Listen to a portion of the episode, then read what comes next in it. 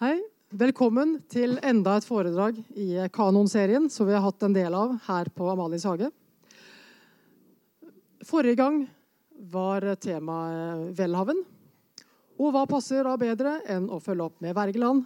Eh, erkerivalen, for det er vel lov for oss lekfolk å si det ennå. Eh, jeg leste akkurat nå noe Halvdan Koht hadde sagt i 1908. Det er jo lenge siden, men gjelder det ennå, kanskje? Vi kan ikke fortelle framvoksteren til mest ei eneste norsk sak uten med lyt nevna Henrik Wergeland i opptaket. Så det er jo en sentral skikkelse på mange måter. Men i dag er det dikteren, antar jeg. Eh, foredragsholder i dag er uh, Jørgen Seiersted. Til daglig for tiden så er han dekan ved HF-fakultetet, men professor i nordisk egentlig. Kan si det sånn.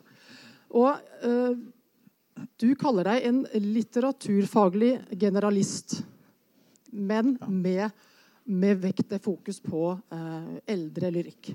Ja, så det høres ut som rett mann. Uh, Wergeland er jo Jeg leste litt mer om Wergeland nå før dette enn jeg pleier. Og jeg innså at det er et enormt univers som jeg ikke kjenner særlig godt. Og som jeg bør kjenne litt bedre. Og som kanskje er på vei litt ut også. Jeg tror det er mange som har det som meg, egentlig. Eh, så derfor er vi jo veldig glad for å ha en som kjenner Wergeland. Selv om det er lenge siden du, du holder på kontorarbeid sikkert for tiden, ja. men du kan Wergeland likevel. Og du har fått frie tøyler i dag. Så eh, jeg sier vær så god. Takk. Takk skal du ha. Takk, eh, Ragnhild. Ja, eh, takk for at eh, dere har kommet. Eh, jeg har her noe så gammeldags som et støtteark. Det er eh, 25. Jeg tror det er kanskje noen få som må se sammen, men går omtrent rundt, vil jeg tro. så det er ingen skjerm her nå i dag. ja. Eh, som ble sagt her, så, så, er jeg jo eh, professor i nordisk litteratur det er riktig det, ved Universitetet i Bergen. Eh, men jeg har noen andre institusjonelle plikter som gjør at jeg har ikke forelest på, på over tre år. egentlig. Så jeg merker Det er jo veldig krevende og nervepirrende egentlig å forelese. Men jeg har jo skrevet ned alt, da, så det gjør det litt lettere.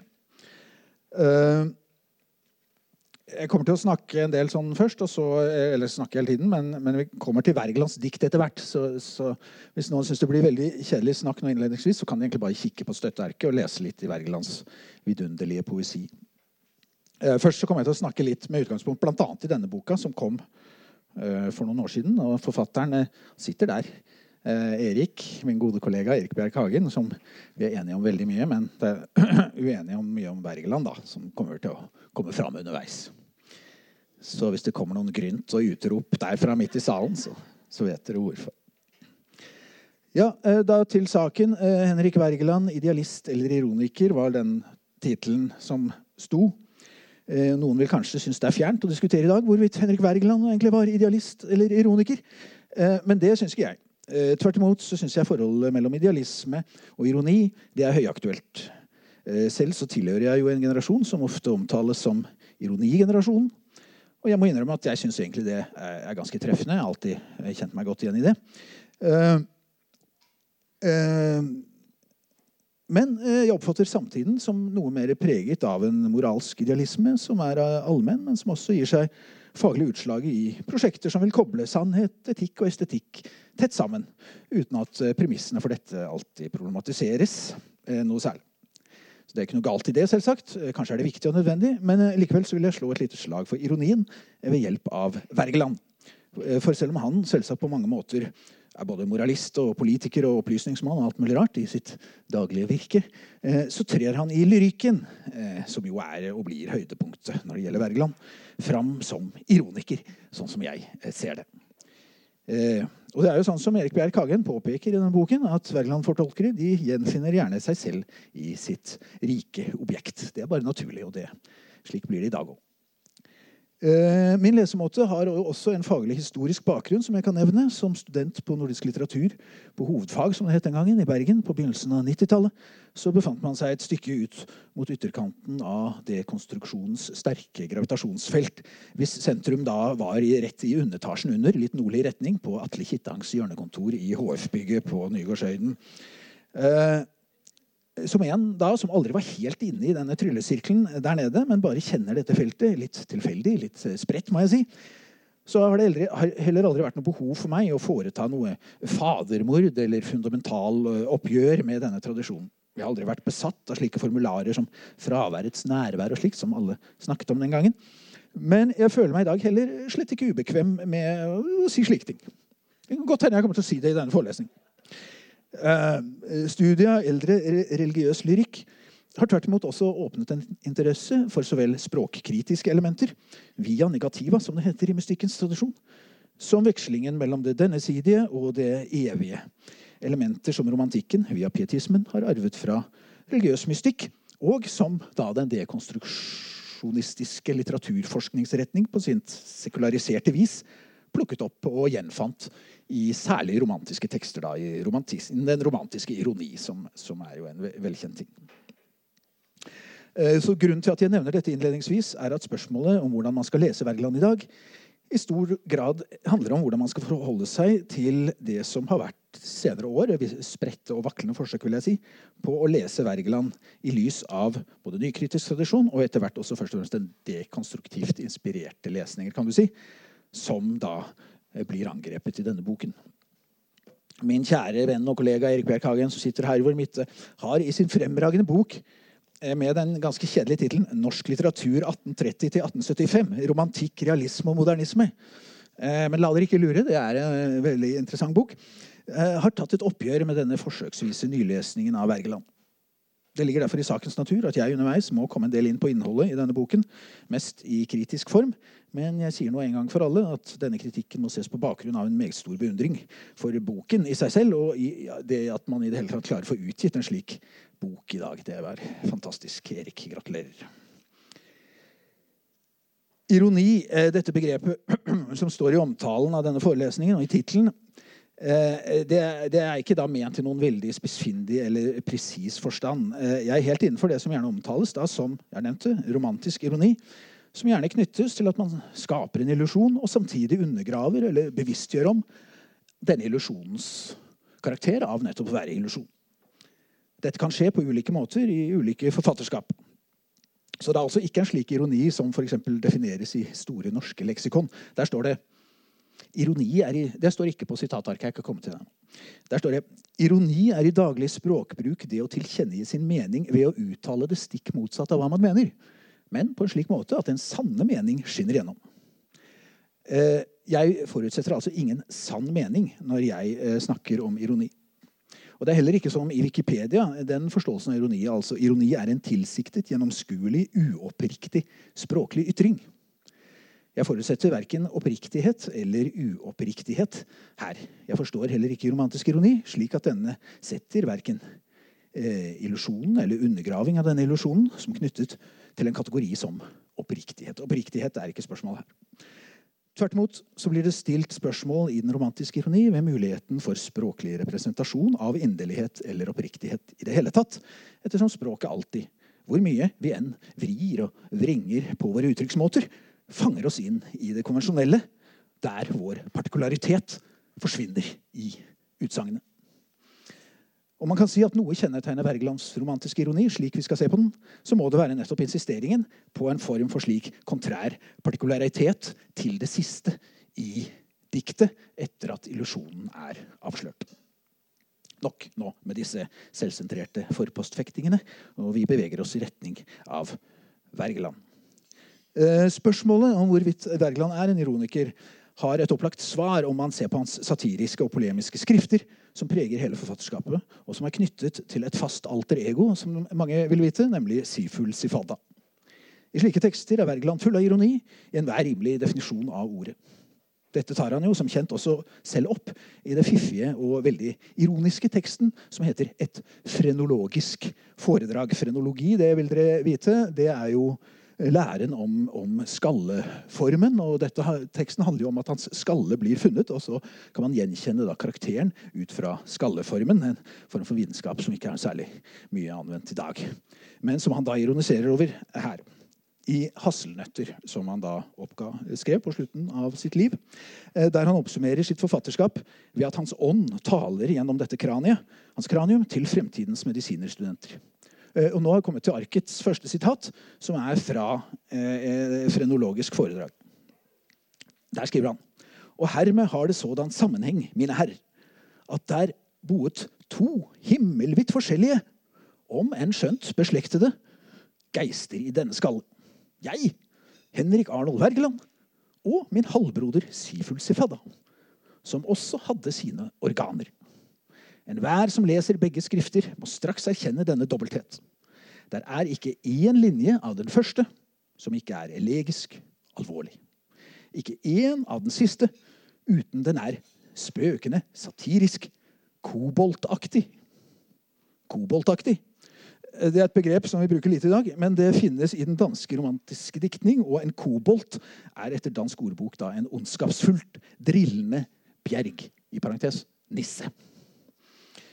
Utgangspunktet for dette foredraget er en tvil om hvorvidt Wergeland virkelig kunne skille disse to sidene ved sitt forfatterskap så klart fra hverandre som han tilsynelatende hevder i dette frenologiske foredraget og i det sitatet vi nettopp hadde. Fokuset kan settes på påstanden som står altså i sitatet der er ikke én linje av den første Henrik Arnold Wergeland, som ikke er elegisk alvorlig. Elegisk altså noe som vitner om en sterk indre følelse, lengsel, sorg, klagende, sørgende eller sentimentalt beveget. Det er en god, grunn, en god grunn til å ta, all grunn til å ta denne egendiagnosen med en god del mer salt enn deler av resepsjonen har hatt for vane. Man trenger f.eks. ikke være mye av en mistenksom nærleser for å påpeke at denne teksten, et frenologisk foredrag, i seg selv er både polemisk og satirisk i sin skildring av et fremtidig Storskandinavia og at det derfor ikke skulle være Henrik Arnold Wergeland, men derimot Syful Syfadda som er tekstens egentlige jeg. Selv om teksten altså selv hevder det motsatte. At det er den alltid alvorlige og elegiske Henrik Arnold Wergeland som fører ordet i teksten. Og Teksten arbeider jo også med å oppløse todelingen, binarismen, mellom inderlighet og irini på mikronivået, som i denne formuleringen om to himmelvidt forskjellige, om enn skjønt beslektede geister. Rommer ikke dette påfallende, om enn skjønt, i seg selv en språklig ironi som markerer det mystiske i at det som altså er himmelvidt forskjellig, likevel på et eller annet unevnt vis er beslektet, sammenfiltret og udelelig. Så Påstanden om den adskilte dobbelthet i forfatterskapet, skillet mellom det inderlige og det satiriske, er slik sett undergravet og gjennomironisk til stede allerede idet den er artikulert av dikteren selv, gjennomdrevet formbevisst ironisk selv på tampen av dødsleiet. Jeg, jeg, jeg, skal, jeg, skal, begynne å vifte med denne snart, men det var for tidlig nå. Det var et frenologisk foredrag jeg skulle vifte med nå. Ja. Spørsmålet er blant annet, Et av spørsmålene er hvor langt inn i diktningen man kan følge dette koboltaktige. Det som jeg her vil kalle for en del av det ironiske. Og Da må vi denne omveien før vi kommer til Wergelands dikt. For vi kommer simpelthen ikke utenom Erik Berghagens ruvende skikkelse og bok for han har i høy grad kommet oss i forkjøpet i en grundig og overbevisende kritikk av den lange og tunge, nesten dominerende forskningstradisjonen som identifiserer Wergeland som idealist. I denne boken går Erik Bjerk Hagen til felts mot en etablert lesning av Wergeland som romantiker av typen høyspent idealist og kristen platoniker, som Erik knytter til en tolkningstradisjon fra Fredrik Påske og mellomkrigstiden. Et bilde som han med rette sier at har vært overraskende stabilt, selv om det tidligere, fra Hartvig-klassens tid på 1800-tallet, også var en konkurrerende, realistisk orientert tolkningstradisjon, som også senere har hatt sine forkjempere, fram til vår tid. Og Erik etablerer slik, tro mot sin historiske metode, to hovedlinjer i tradisjonen, hvorav én da er feilaktig, overdrevent teoretiserende til dels, mens den andre da er riktig, fornuftig og pragmatisk. Og i og med denne boken også seirende, kan man si. Og Et av hovedspørsmålene er da godt formulert. Hvordan bør det realistiske alternativet til påsketradisjonen, altså den idealiserende lesemåte, formuleres i dag? Hvordan bør det realistiske alternativet til denne idealiserende lesemåten av romantisk diktning formuleres i dag? Og mens altså kritikken av påske og den idealistiske tolkningstradisjonen er svært treffende i denne boken, kan man vel driste seg til å si at akkurat denne formuleringen av alternativet, hvordan skal vi formulere oss dette i dag, blir akilleshælen i denne eh, gjennomgangen av romantisk lyrikk som vi finner her, og særlig Wergeland. Av og til går dette svært langt, som de stedene der Wergeland istedenfor idealist blir en frisk fyraktig, pragmatisk optimist av Bjørnson-type. I det hele tatt er Bjørnson ganske høylytt til stede i eh, karakteristikkene av Wergeland, som i den avsluttende karakteristikken av Wergelands dødsdiktning. Nå er jeg også tilbake til sitatarket. For der står det Nå er det altså Erik Berg Hagen som skriver, men han siterer også en annen person, da, nemlig Bjørnson. Som ingen annen later Wergeland til å ha lært nordmenn å dø. Det var Bjørnson som slo an denne tonen. Han døde i en åndsfrihet så smilende av forståelse og kjærlighet at, han, at aldri har der over Nordens åndshimmel vært et skjønnere syn enn Henrik Wergeland på hans dødsleie.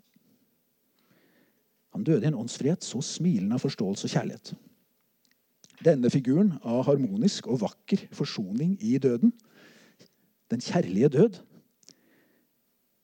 slår eh, beina under det som tross alt, etter min mening, har blitt vunnet ved moderne eller de dekonstruktivt inspirerte lesningene av Wergeland i senere år, og som jeg mener er en viktig måte å fornye lesningen av forfatterskapet på. Så eh, I denne boken er det flere steder påfallende hvordan Bjørnson-figuren som Bjørnson var jo en ivrig Wergeland-leser, hvordan Bjørnson-figuren preger bildet av Wergeland som tegnes her, hvilket er konsistent i forhold til at Wergeland skulle være en realistisk pragmatiker. For Bjørnson selv var jo slett ikke ironiker, og kunne heller derfor aldri ha skrevet noe som ligner på Wergelands ironiske poesi, poesi og heller ikke et frenologisk foredrag. Eh, denne teksten som jeg har sitert, og som i denne boken i et litt mutt øyeblikk kalles et ganske kryptisk og høylitterært avsnitt mot slutten av 'Hasselnøtter'. Forbløffet blir man også over å lese denne påstanden som Erik Bjerkhagen fremhever, inspirert av Lassen. Den står ikke på sitatarket. Kanskje pga. sin sterke selvtillit er Wergeland i sin diktning og sitt liv for øvrig lite selvopptatt. Her må jeg også protestere. Ikke bare er Wergeland selvopptatt i tradisjonell psykologisk forstand. Dikteren av et dikt som mig selv er også opptatt av hva et selv er, av identitetsspørsmålet, og han er opptatt av begrepet selv, og han er opptatt av seg selv. Wergeland er i eminent forstand selvopptatt. Ytterligere et annet sted, hvis jeg skal fortsette denne kritikken, oppsummerer Erik en ellers treffsikker gjennomgang av tolkningstradisjonen rundt Jan van Husoms blomsterstykke med følgende realistisk formulering av alternativet til den idealiserende tradisjonen. Det står verket Jan van Husoms blomsterstykke, er en hyllest til lesningens pragmatiske kreativitet og lite annet. Og lite annet, står det.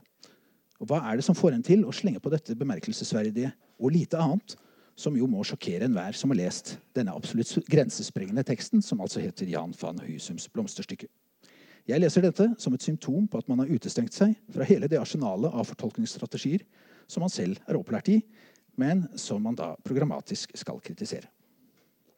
Nok kritikk.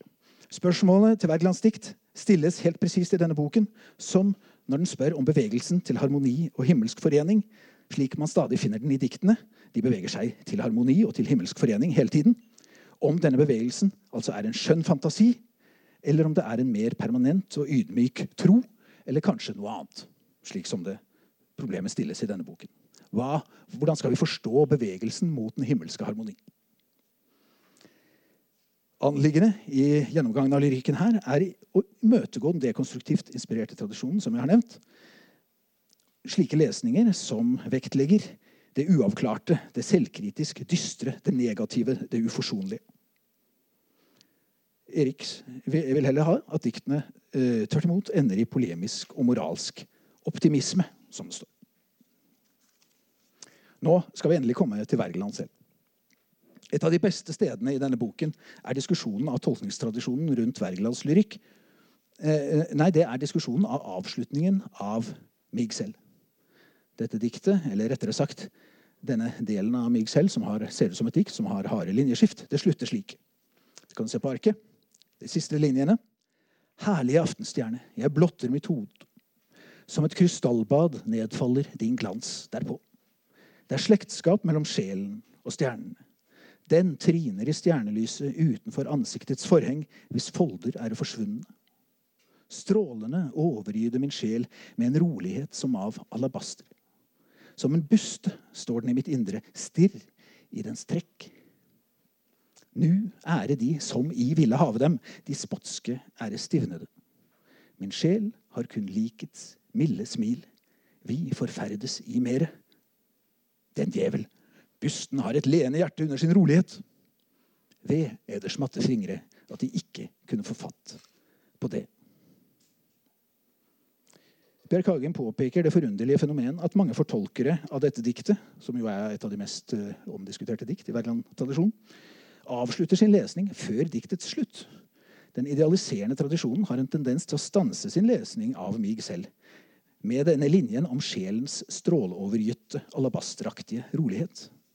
Og dette er i sannhet bemerkelsesverdig, og gjennom sin grundige lesning av tradisjonen har Bjerkhagen funnet fram til Daniel Haakonsens disputas, der Haakonsen, en typisk representant for den idealistisk kristne lesemåten, uttrykker sin forargelse over Wergelands avsluttende linjer, som ifølge Håkonsen dratter så tungt ned i trusler og aggressivitet. Altså der hvor han vender seg mot i dere. Nå tror dere dere har meg, men dere har meg ikke. For det er et lene, et lene hjerte under denne tilsynelatende roligheten. Trusler og aggressivitet. Opp mot denne eh, kritikken fra Håkonsen så setter Francis Bull, som Erik trekker fram, eh, at Bull skriver opponent da, i denne disputasen, at han blir både bedrøvet og forarget over en slik kritikk av Wergeland fra, fra doktoranden Håkonsen og i stedet ser Wergelands avslutning som det han kaller en freidig selvhevdelse og djerv og munter selvfølelse, hvilket Bjerkhagen slutter seg til uten innsigelser. Og Her må man bare innrømme at eh, det har blitt trukket fram et høyspent, et høyspent og et dirrende øyeblikk i norsk litteraturforskning og satt i akkurat det rette spenningsforholdet. Men det er likevel merkelig etter min mening, å framstille dette slutten av diktet som en munter kosestund, slik Bull og Bjerkhagen ser det stikk imot teksten selv som et overfladisk likets milde smil. Det milde smilet som Bull plutselig vil ha, som det jo står direkte i teksten. Dere kan selv se det. At det er det milde smilet som bare er det tilsynelatende smilet. Så man gjør seg skyldig i en ufarliggjøring som diktet selv så inderlig motsetter seg. De forferdes nettopp ikke, men overser det spotske, det djevelske, det avgrunnsdype i denne latteren som diktets dere tross alt aner. Håkonsen derimot han forferdes som diktets dere. Og han hadde naturligvis helt rett i at det her ligger trusler og aggressivitet. For nærleser er Håkonsen overlegen Bull. Men han er samtidig så, inn, så, innsnevret kan man si, i sin moralske fordømmelse og sin idealistiske forventning at denne overskridende kunstneriske bevegelsen rett og slett blir for voldsom, og han tar moralsk anstøt. Så selv om djevel og latter her står i samme linje i diktet, selv om det spotske uttrykkelig har gått tapt i en idealiserende ufarliggjøring, ifølge diktet selv, nekter både Bull eller nekter Bull, da, å la seg forferde av dette demoniske, mørke og ironiske elementet her og ellers i Wergelands diktning, men insisterer på denne friskfyraktige munterheten. Og som Bjerkhagen også forsikrer oss, i tråd med Bull, ingenting tyder på at Wergeland i dette diktet blir drastisk usikker på hvem og hva han er. Til det må man kunne replisere at det kan hende mulig å hevde noe slikt, men at hele resepsjonen, også Bjerkhagens egne formuleringer, viser oss at i alle fall leseren, selv høykompetente lesere, blir dypt usikre på hvem og hva Wergeland er i slutten av diktet 'Mig selv', som man stadig vender tilbake til. Jeg vil dvele et øyeblikk ved dette viktige poenget hos Bjerkhagen, som synes er veldig godt sett, at det er lett å avslutte lesningen av Wergeland-dikt før de egentlig er avsluttet. Det er så lett å avslutte lesningen i dette øyeblikket av, av harmoni, slik som påske og kot, som ble sitert her innledningsvis, ubevisst og også Håkonsen, mer demonstrativt, gjør med mig selv. Jeg har selv lest Wergeland på den måten mange ganger. Blant annet så var Noe av det første jeg lærte meg selv av Wergeland, det var jo de første strofene av diktet 'På sykeleie'. Det står sitert hos dere. Det begynner slik. Eh, det er Wergeland. Han, han, ligger, han, han er syk. Han, det isdryps rislen i min barm, og disse stikk av ild La døden kalle det sin seier. Det er min himmels forårsvær, dens vårfrembrudd. Snart kold, snart varm. Min salighets april.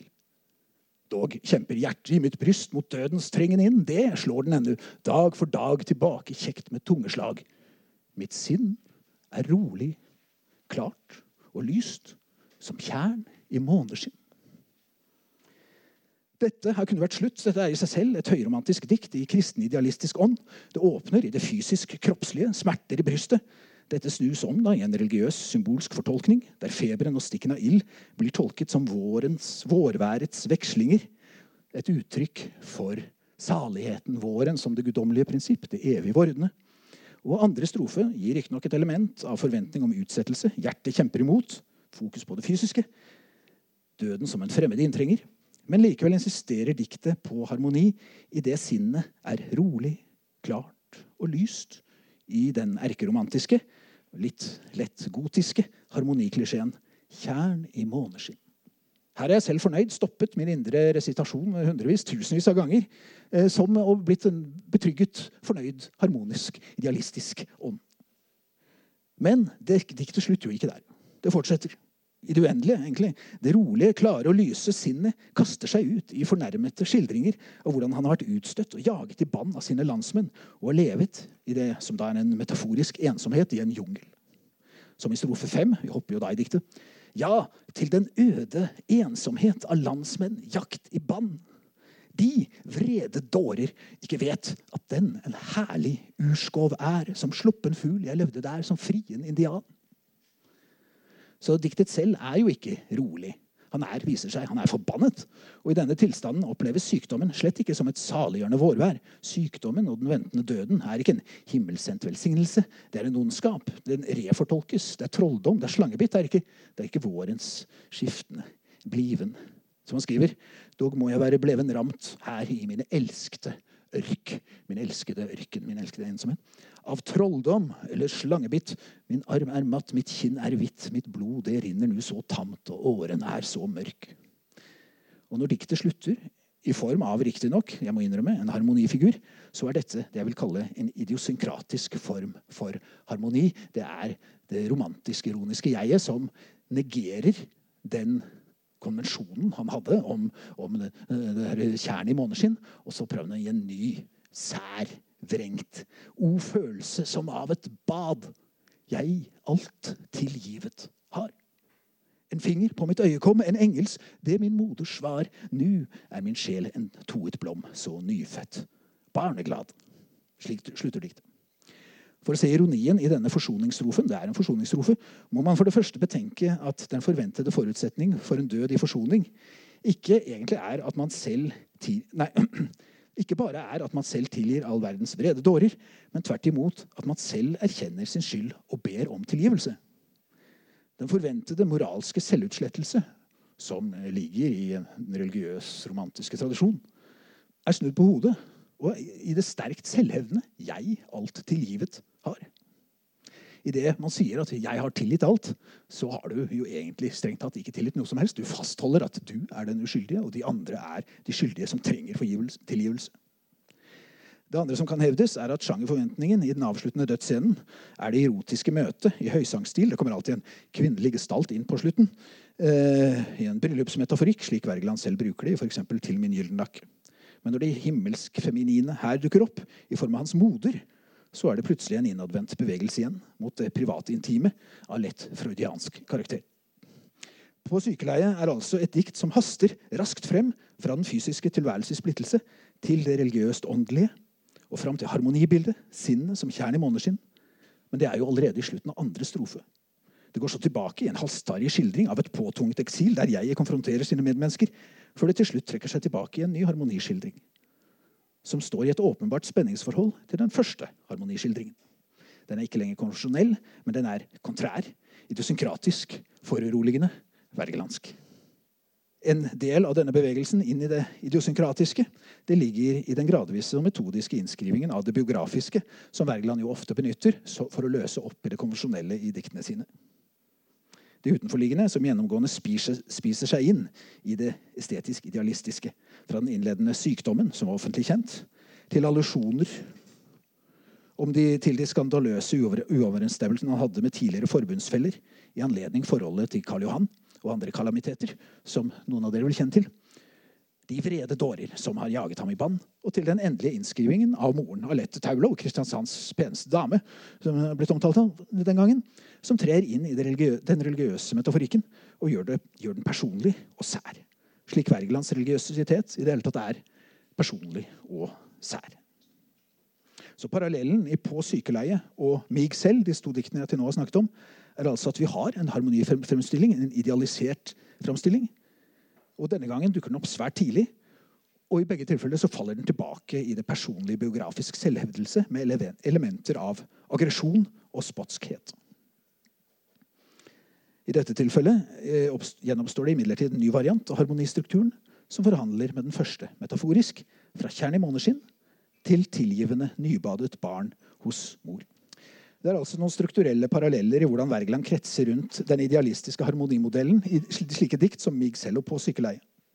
Og jeg er helt på linje med Erik Bjerk Hagen i at tradisjonen etter påske har feiltolket, forenklet dette ved å fokusere på den harmonisk-religiøse overskridelsen gjennom kunsten, og stoppet på det punktet i teksten. Men jeg synes at den dekonstruktivt inspirerte lesetradisjonen har langt bedre inngang til nærlesning og fortolkning av dette enn den raske og pragmatiske oppsummeringen som vi blir så ofte eh, presentert for i denne boken. Wergelands fortolkninger er både ustabile, mørke og ironiske i hvordan de selv i overskridelsen i idealiseringsøyeblikket eksperimenterer med form og metaforikk og bringer det biografiske livet tilbake inn. Et annet slående eksempel som jeg har brukt mye tid på opp gjennom min karriere, er diktet 'Den første omfavnelse'. Og det tar, som diktet på sykeleie, utgangspunkt i at brystet, det fysiske, er i opprør og er truet av oppløsning. Dette opprøret skyldes nå ikke sykdom, men det skyldes erotisk begeistring. Det er likevel brystet. Det er, det, det er liksom brystets bevegelser som er utgangspunktet i begge diktene. Det er jo eh, kjent eh, åpning, da. Det er jo eh, imperativ flertall. Kommer, altså kom dere. Kommer nu sorger knuger mitt bryst, at ei sprenges av jublende lyst. Himmel med uhell, helvet med plager, temmer dets bølger. Til der har hun hvilt. Fiendenag, åpne dets årer, din pilodd kun svaler. Tive dets slag har hun jo sitret og smilt. Og så her er veien kort fra kaos til den harmoniske overskridelse. Og Allerede i tredje strofe er den balanserte harmonitilstanden et faktum. Det åndelige og det jordiske er forsonet gjennom religiøse kategorier. Og sinnet er, forsikres vi, rent som et tempel og lyst, står det på sitatarket. Eh, tredje strofe. Du har forsonet uskyldige brud, sjelen med verden, blodet med Gud den gang din hellige panne du senkte, stråler igjen som nådens skinnende lin over mitt bryst. Borttokst du synden den tårebestengte. Nu er mitt sinn rent som et tempel og lyst. Svært parallelt til på sykeleie. Men også som i på sykeleie, så er vi fremdeles ikke halvveis i diktet. Hvor vil Wergeland nå gå videre, etter at motsetningene allerede er overvunnet? Etter at det jordiske og det himmelske er forent? Det første han gjør, er å gjenta denne harmonifiguren, men forsterket og i høy grad selvsentrert. Flyttet over og inn mot det personlige, det idiosynkratiske, som er kalt allerede. I fjerde strofe Rødmende uskyld speilte du inn brud i mitt bryst med jomfruelig sinn. Kinn. Unnskyld, kinn. Vifte, altså viftingen. Vifte av himmelske due fornemmet jeg i den geist, i den lokk, unnskyld, som omsvevede meg. Hill meg, min geist, for hen demonisk, for himmelen fremmed, er nu ved deg, elskede, hellig gjenreist. Strukturelt vil jeg bemerke at denne linjen 'Hill meg min geist' er en parallell kan man si, til den forrige 'Jeg alt tilgivet har'. Det er et overraskende selvsentrert klimaks som speiler og forvrenger den renhetsfiguren vi leste tidligere i teksten. Det understreker jegets avstand til omgivelsene. Som et apropos til lesningen av Mig selv vil jeg også påpeke hvordan teksten selv påkaller det negative mørket i balansen. Der Mig selv lanserer spotsk, djevelsk latter, nevnes her det demoniske som fraværende, og dermed selvsagt straks nærværende. Eh, slutten av teksten handler om noe annet enn religiøs sammensmelting med den høyere og rene harmoni. Hvis vi hopper fram til siste strofe, strofe sju i denne teksten, Fjern deg, min sjel, du mørkblå seraf. Eller seraf er en type engel. Eller en stund i mitt blod deg begrav. Herskende, la det rulle så lenge. Nerven la åpne sin sitrende munn. Samling berøvt. Føler du, hører du, oppfylt med tonene strenge. Brystet hvor hun hvilede elskovs bedøvt. Som vi ser, er forsoningen fra tredje strofe tydelig og eksplisitt negert, motsagt, undergravet i denne sluttstrofen. Sjelen og verden, blodet og Gud, de er ikke forenet og forsonet, slik det ble hevdet, men de står nå i direkte motsetning til hverandre. Sjelen skal fjerne seg, blodet skal herske. Samlingen er borte, den er samling berøvt. Og vi står igjen med det mystisk erotiske bildet. Nerven la åpne sin sitrende munn. Jeg vet ikke akkurat hvor man er i et slikt bilde, hva man visualiserer. Men det er i hvert fall ikke et muntert smil, slik som eh, Bull og andre eh, leser avslutningen på disse diktene. Det er tvert imot et bilde som unndrar seg rett og slett visualisering. Det er et nærmest abstrakt, et ekspressivt. Men så, hvis man presser og presser, nerven åpnes i sitrende munn, kanskje, hvis man er slik disponert, eh, en slags erotiske konnotasjoner som åpner seg der. Uansett, det er, det er, det er en form for overskridende og idiosynkratisk billedbruk som undergraver, som ikke er konvensjonell, og som sier 'jeg er ikke konvensjonell', jeg prøver alt jeg kan. Og ikke være konvensjonell, og ikke være harmonisk, og ikke være rolig og fredelig. Og munter og fornøyd. Slett ikke. Men vi skal jo passe på å lese diktet til siste slutt, for diktet ender jo i et bilde på ro. Men for det første er dette en tilstand som nå både er utenfor jeget, altså det er jo hun som er rolig, ikke jeg, eh, og dessuten er fraværende. Eh, visende med påfallende klarhet til en slags mellomliggende fase etter samleie og før da hun har gått sin vei. Han ble alene, sånn at han kunne eh, holde på med denne, denne refleksjonen sin. Så Slik er også dette ordet 'elskovsbedøvt' en ekstremt sanselig, konkret variant av den overskridende høysangmetaforikken, som ellers jo klinger under selvfølgelig dette diktet, som handler jo veldig mye om det himmelske og det jordiske, om det kan forenes eller ikke forenes osv. Det kan ikke det. Så igjen er altså slutten ironisk i forhold til romantiske konvensjoner og i forhold til harmoniforventningen som diktet selv tidlig formulerte, helt parallelt med disse andre diktene vi har vært inne på. Så Dette er altså eksempler på romantisk ironi i Wergelands lyrikk, der det skapes en konvensjonell illusjon av harmoni som så undergraves, negeres, ikke på en måte som er hverdagslig, praktisk, livsbejaende, men på måter som dels er formbasert, som vrir på det religiøse språket og de tidligere formuleringene, som er psykologisk overskridende i en jeg-sentrert, selvhevdende kontraritet mot verden.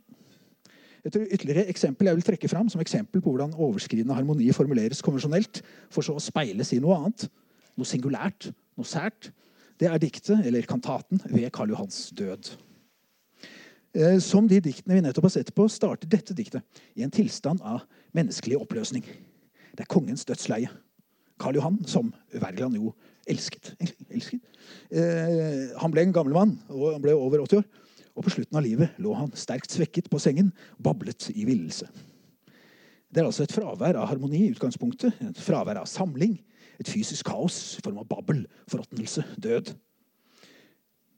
Forskjellen fra de tidligere diktene er at denne oppløsningen og dette kaoset ikke er i diktjeget selv, men det er i en kropp utenfor jeget. En annen kropp han sitter og ser på.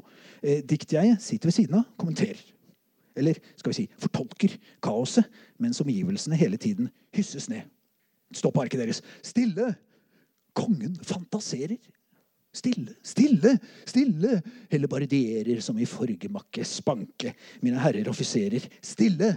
Lad, lad ei hjerte banke kongens blege lever spille. Perler, perler lik av brustne snor som hen trille hvor de ville. Sverme villsomt nu hans ord og hans tanker, lik de fine alvespinn, drivende for morgenens vind, mellom jord og himmel vanke. Han i paradis seg tror. Allerede. Skjønt hans geist i feberhede flagrer kun her utenfor. Der utenfor står det. Eh, dette diktet kan ses som en algori over fortolkningen av en allegory of reading. Kongen fantaserer. Han er en fantaserende det er jo dikteren som er den, en fantaserende, genialt svevende mellom jord og himmel. Og diktjeget det er hans fortolker, altså leseren i en viss forstand. Vi, de egentlige leserne, forholder oss så til Wergelands dikt, slik diktjeget forholder seg til den døende kongens abbelgabbel. Eh, slik diktjeget fortolker da fram sammenheng i kaoset og fremkaller harmoni, sammenheng og overskridelse. Slik fortolker vi fram mening og sammenheng i det egentlig uforståelige, eller det ønsker å være uforståelige, diktet som Wergeland her har fantasert fram som en fantaserende konge, dikterkonge. Slik vi, eller i hvert fall påskes idealiserende fortolkningstradisjon, sier om den romantiske dikter idet han formulerer sin lyriske overskridelse, så sier diktjeget om Karl Johan han i paradis seg tror. Han i paradis seg tror. Leseren, burde, nei, leseren følger dikteren i dyp fascinasjon, mens denne fantaserer seg genialt til paradis, til overskridelsen. Men vi vet, eller vi burde vite, hvis vi besinner oss i lesningen, som diktet påpeker, han er jo ikke helt der, selv om han kanskje tror det selv. For oss flagrer hans geist feberhett rett der utenfor. Innimellom. Denne første strofen den kunne igjen i og for seg vært et avsluttet dikt i seg selv. Men Wergeland fortsetter naturligvis uendelig gjennom lange strofer der diktjeget selv fra denne, disse lydene fra kongen fortolker fram hvordan kongen må drømme om sine bravader, sine militære seire, eller nei, snarere eh, oppveksten sin, de takknemlige folkeskarer som vinker mot ham og tar ham imot i paradis pga. hans gode gjerninger osv. Det er jo et kongehyllende dikt. Men vi er jo her i vår lesning ute etter den strukturelle, ironiske figuren fra de andre diktene. Og Derfor så hopper vi fram der hvor også dette diktet topper seg etter hvert i en overskridelse som i samme nu undergraves på en måte som vi må kunne kalle godt eksempel igjen på romantisk ironi. Da hopper vi frem til femte strofe. Fremdeles holder han på da med dette stille, stille, stille. stille. Vær stille. Stille. Kongen tror seg hisset. Stille, alle. Stille. Alt til paradiset drømmer Karl Johan seg båren. Still, still, lad ei tåren full og tung til jorden falle, den ham kan tilbakekalle fra de syner som han har. Se, han smiler, som om spiler alt han ut sitt vingepar. Altså Han ser englevingene vokse ut. Tyss! Han streber at fortelle hva han ser. Nå kommer enda en lyd. Tyss! Hans sjel er ennå På vei, nå kommer anabasen ned, plopp, ned på jorden igjen. Oskars navn er på hans lever. Det er ham han tenker på. Ham som kneler. Ham hvis mele smerten kveler. Oskar, han som hulker så. Oskar er sønnen til Karl Johan. da, nesten nye, neste gang. Eh, gjennom fire lange strofer har diktjeget intenst fortolket fram kongens erindringer. Og nå ser han et smil som han fortolker som selve salighetens triumf. Det er som påske og Håkonsens for tidlige lesning av mig selv når Wergelands dikt 'Jeg' da utbryter. Det blir som en allegori over hans egen, egen resepsjon, så å si. Se, han smiler som om han spiler alt sitt ut Se, han smiler som om spiler alt han ut sitt vingepar. Så her er det full tro på transcendensen i det denne side. Men når kongen så endelig kommer med et forståelig ord, så er det ikke alt dette som diktjeget iherdig har tolket inn gjennom fem lange strofer, men altså dette ordet Oskar. Det er ham han tenker på. Ham.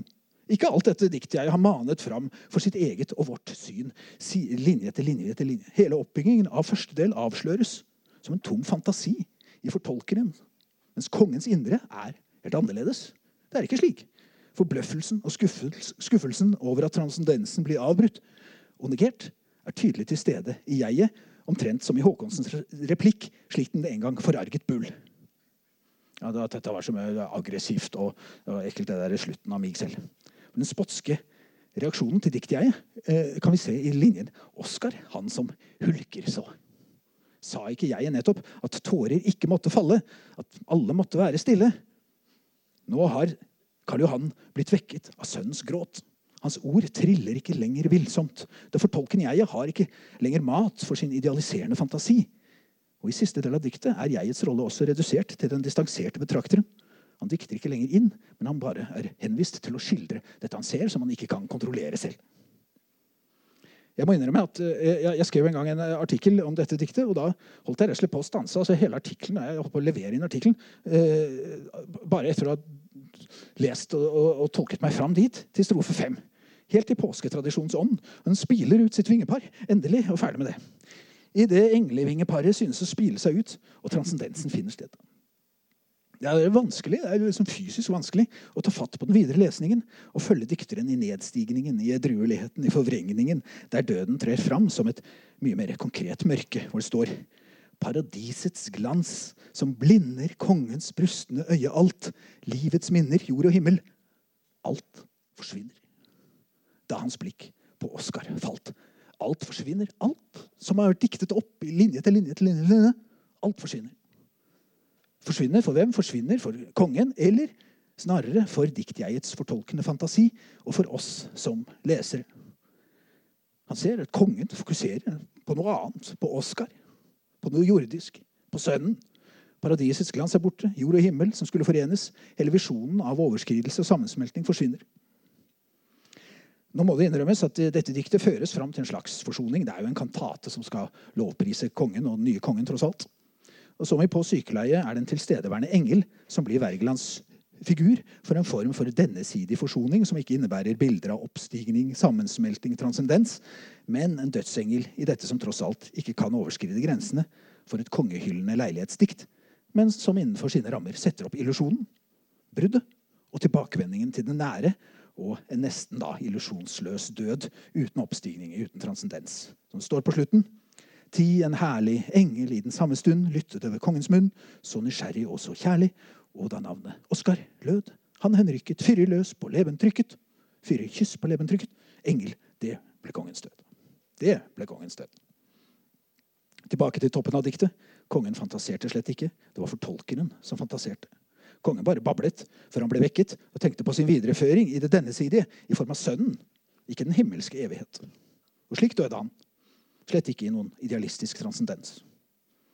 Det blir altså et forsoningsdikt på sitt vis, men samtidig en allegori over lesningen av den romantiske overskridelsesfantasi, som i dette tilfellet er flyttet fra diktefantasien og over i fortolkeren, slik at den rammer hele den tolkningstradisjonen som Berghagen med rette kritiserer som kristenidealistisk.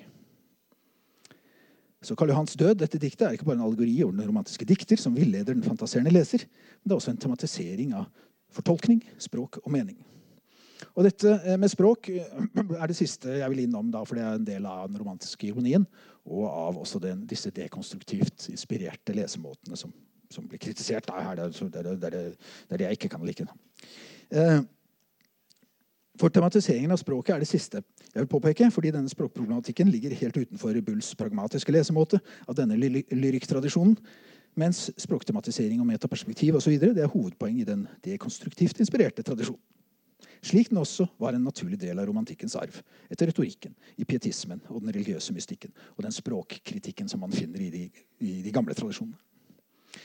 Wergeland er overmåte, overmåte språkbevisst. Han tematiserer selvsagt språket i mange sammenhenger, i dikt etter dikt. Men det diktet som kanskje er mest språkteoretisk i oppslaget, det er merkelig nok det episke diktet 'Kvinndrene på kirkegården', eh, som er det siste vi skal innom. Det begynner slik. Hvilket ord i alle språk, i de lange ordgeledder, hvor hver tanke der er klok, har et navn hvormed den heter? Hva begrep i sjelens bok, i den hvite, beninnbundne, mellom alle dens oppfundne og benevnte muligheter? Hva i det som flyver inn i fantasiens vide rom, sommerfugler fro og fri? Ånder vel så dyp en fred, så betydningsfull og stum, uforstyrret rolighet, som det ord en kirkegård. Kirkegård. Av alle ord altså som finnes i de lange ordgeledder, så er det ingen hvor som helst. Sjelens bok, den beninnbundne, altså skjelettet, er så å si innbindingen til sjelen. Den er full av ord. Og det er ingen av disse ordene eller begrepene som på noen måte kan måle seg med dette ordet en kirkegård når det gjelder uforstyrret og stum rolighet, påstår på åpningen av diktet. Allerede her i innledningen signaliseres en form for ironi, kan man si. Og Tittelen varsler jo at man her står overfor et kirkegårdsdikt. Kirkegårdsdiktene, en subsjanger fra 1700-tallet, som handler om at kirkegården er et særlig sted egnet for meditativ ro og kontemplasjon. Overskridelsen av det jordiske. Men allerede eh, tidlig i dette diktet så er det altså ikke stedet, kirkegården, som vi trodde et øyeblikk da vi leste tittelen 'Kvinnene på kirkegården'. Men det er ordet kirkegård. Det ord kirkegård. Det handler ikke om stedet. Det er ikke en illusjon at vi skal se for oss at vi er på en kirkegård. Det er ordet kirkegård. Påstanden om at dette ordet skiller seg fra alle andre på dette viset, kan jo virke merkverdig, men det får en viss mening ved at man knytter det til kirkegårdstradisjonen. Og Det blir diktets oppgave kan man si, å gjøre denne påstanden sann da, og utvikle ordet kirkegård fra å være nettopp det, et, et ord i de lange ordgeledder, til å bli et symbol for dyp og betydningsfull fred. Altså et symbol i romantisk estetikk. En, et begrep som sier noe mer enn bare vanlige ord. Det er veldig mye man kan diskutere i forhold til dette lange diktet, eh, som begynner slik, men her vil jeg bare peke på et lite punkt som skiller eh, Bjerk Hagens pragmatiske romantikklesning fundamentalt fra den jeg selv tar til orde for. Han, Erik kritiserer jo da min artikkel om dette diktet veldig mye i denne boka. Så det er, ja. Eh, der står det Det er fred for uten skår. Det er fred, men intet annet, enten motsatt eller blandet. Mens selve ordet fred, når det nevnes i vår tale, lader tanken strid seg male uvilkårlig blodig på sjelens hjernetavle grå. Uvilkårlig i ideen, hurtigen på sjelens blanke speil som vindens kåte pust preger en figur i sneen, maler seg med hver en tanke den der er den motsatt, just. Så med det ene, med, med det ene du tenker det ene, så tenker du med en gang også det andre. Nevn velsignen, og forbanden tegner straks seg an i pannen. Nevn blott kjærligheten. Hva mer uskyldige ord kan sanses? Fluks av tanker stikk mot den. Sjalusi, utroskap, hat, som av hekse den omdanses. Til bespottet og berøvet. Ordet har ei mer igjen av sitt himmelske enn en sommerfugl der tapt har støvt. Så kjærligheten, idet det sies ut, så omdanses det av utroskap, hat, alle andre, og har ingenting faller til jorden. Nevn hvert fredselt ord, og se hvilket tvilsomt smil der kleber seg til alles blikk og leber ved den vakte mot i. Så ordene rommer alltid sin motsetning uansett. De er ikke stabile. De utsier ikke det vi umiddelbart skulle tro de utsier. I diktet kommer så etter hvert en lang fortelling om tre kvinner med ulik trosbakgrunn som etter innledende mistenksomhet og fordomsfullhet finner sammen i harmoni på kirkegården. Akkurat som vi forventer i et kirkegårdsdikt. De er motsetninger, og så blir de venner på kirkegården. Men slutten av diktet består i at jødinnen griper ordet i en monolog med en barokk visjon av hele verden som en kirkegård. Og den felles dødserfaringen som noe som binder menneskene sammen. ifølge denne monologen. Og slik slutter jo diktet. Da kan hende deres neste fjett, altså da, Det er da hvis man alle betenker at vi alle vandrer på den samme store kirkegård. Er vi hele tiden kretser om døden, og vi når som helst kan dø. altså. Da kan hende deres neste fjetret i det samme festet. Mere kjærlighet de gave utenfor, på hin kirkegård, den store, i den have, hvor seg krysser livets veie, men som døden har i eie. I Bjerk Hagens kritikk av min lesing av dette diktet så fremstår denne jødinnens monolog, henne, denne jødinnen med sin monolog som en tråkig moralist, vil jeg si, og ferdig med det. Det er jo pent. Vi kan alle være venner her. Om vi bare betenker vår felles død, har vi grunnlag for mer kjærlighet. Dette formen for lesning det, det, det, kunne man jo gjort hvis dette var en moralistisk sakprosatekst av den typen Wergeland som skriver massevis av, eller et drama i og for seg. Men betraktet som et ekstremt formbevisst dikt så har vi foran oss en struktur som ligner på de diktene som vi tidligere har sett på i dag. Det åpner en artikulert splittelse. Dobbeltartikulert både ved den språklige refleksjonen om at språket hele tiden splitter seg, absolutt hele tiden, og ved at eh, disse tre kvinnene er, er, i, er i indre splittelse. Det er to kristne damer som forakter den jødiske kvinnen. Men så beveger det seg inn i en harmonitilstand, her projisert i de tre kvinnenes forening på kirkegården. Men så beveger det seg videre, som vanlig hos Wergeland, inn i en ny splittelse, der den ene, hun som i utgangspunktet ble uglesett, så tatt inn i varmen, igjen trer ut av harmonien, står alene, splittet fra de andre og bryter ut i en kontrær monolog. Og idet hun utsier harmonien til slutt, så gjør hun det på en måte som Kittang med rette påpeker andre steder hos Wergeland, en harmoni som, i, som da er fremstilt som strengt hypotetisk. Da kan hende. Da kan hende. Og viktigere i akkurat dette diktet, denne harmonivisjonen, er artikulert i ordet kjærlighet. Ordet kjærlighet, som altså ifølge diktets egen innledning straks omdanses av forestillingene sjalusi, utroskap, hat osv. Og Det er denne betydningsvekslingen som er grunntilstanden. All overskridende bevegelse er illusjon og forventning. Fremvisningen av dette, illusjonen i det overskridende, og fremvisning av hvordan det kontrære hele tiden vender tilbake, det er diktets ironiske grunnmodus. Forsoningen var midlertidig. Det ender igjen i den selvhevdende, kontrære ensomhet. Også i form av denne jødinnens monolog. Og det er ingen forsoning der. Den er hypotetisk, og den er negert i sin egen formulering. Kjærlighet. Så nå er jeg straks ferdig. Jeg vil oppsummere at Wergeland har en lekse til oss om at man ikke må la seg forblinde av påståtte visjoner av sammenfallende etisk og estetisk skjønnhet og transcendens. Det er en ironisk lekse han forteller om kraften i den sære kontraritet. uten at vi derfor alle bør vandre på jorden, rundt på jorden, slik som Henrik Wergeland selv gjorde. Gjennomgangen av tradisjonen som finner i denne boken, er viktig, den er forbilledlig og et helt naturlig og nødvendig utgangspunkt for enhver videre diskusjon av Wergelands dikt. Kritikken av den idealistiske lesemåten i påsketradisjonen er overbevisende, også veldig viktig, fremdeles aktuell, for det er mange som fremdeles leser Wergeland slik. Mens kritikken av den nyere nærlesningstradisjonen, som kan oppfattes som en dekonstruktivt inspirert fortolkningstradisjon, Dvergsdal, Kittang, Sætre, jeg selv, flere andre har operert med den, Kritikken av denne er feilslått både fordi den argumenterer mot innlysende eller egentlig i vår tid lesemåter, og fordi den ikke kan sette opp noe godt alternativt annet enn en banalisering av diktene som hverdagsmoralisme. Som ufarliggjør dem nettopp på den måten som Wergeland selv ikke kunne utstå, ikke kunne fordra. Når jeg blekner, byster man gjør, og portretter man tegner. Nu når jeg bleiner, som sier. Nu når jeg bleiner, byster man gjør, og portretter man tegner. Ja. Det tegnes også et slikt portrett eller en byste i denne boken. Selv om det ikke er den idealistiske eh, idealistiske. Så Gjengivelsen av Bjørnsons sykeleierskildring er et slående eksempel på akkurat dette. i denne boken. Og Wergeland gjentar hele tiden sin kritikk av etablerte harmoniklisjeer og idealet om fred og fordragelighet. Og la oss ikke heller da plassere ham inn i slike. Også som lyriker var Henrik Arnold Wergeland dypt preget av Siful Sifada. Han var ikke idealist, han var slett ikke moralist eller pragmatiker som lyriker.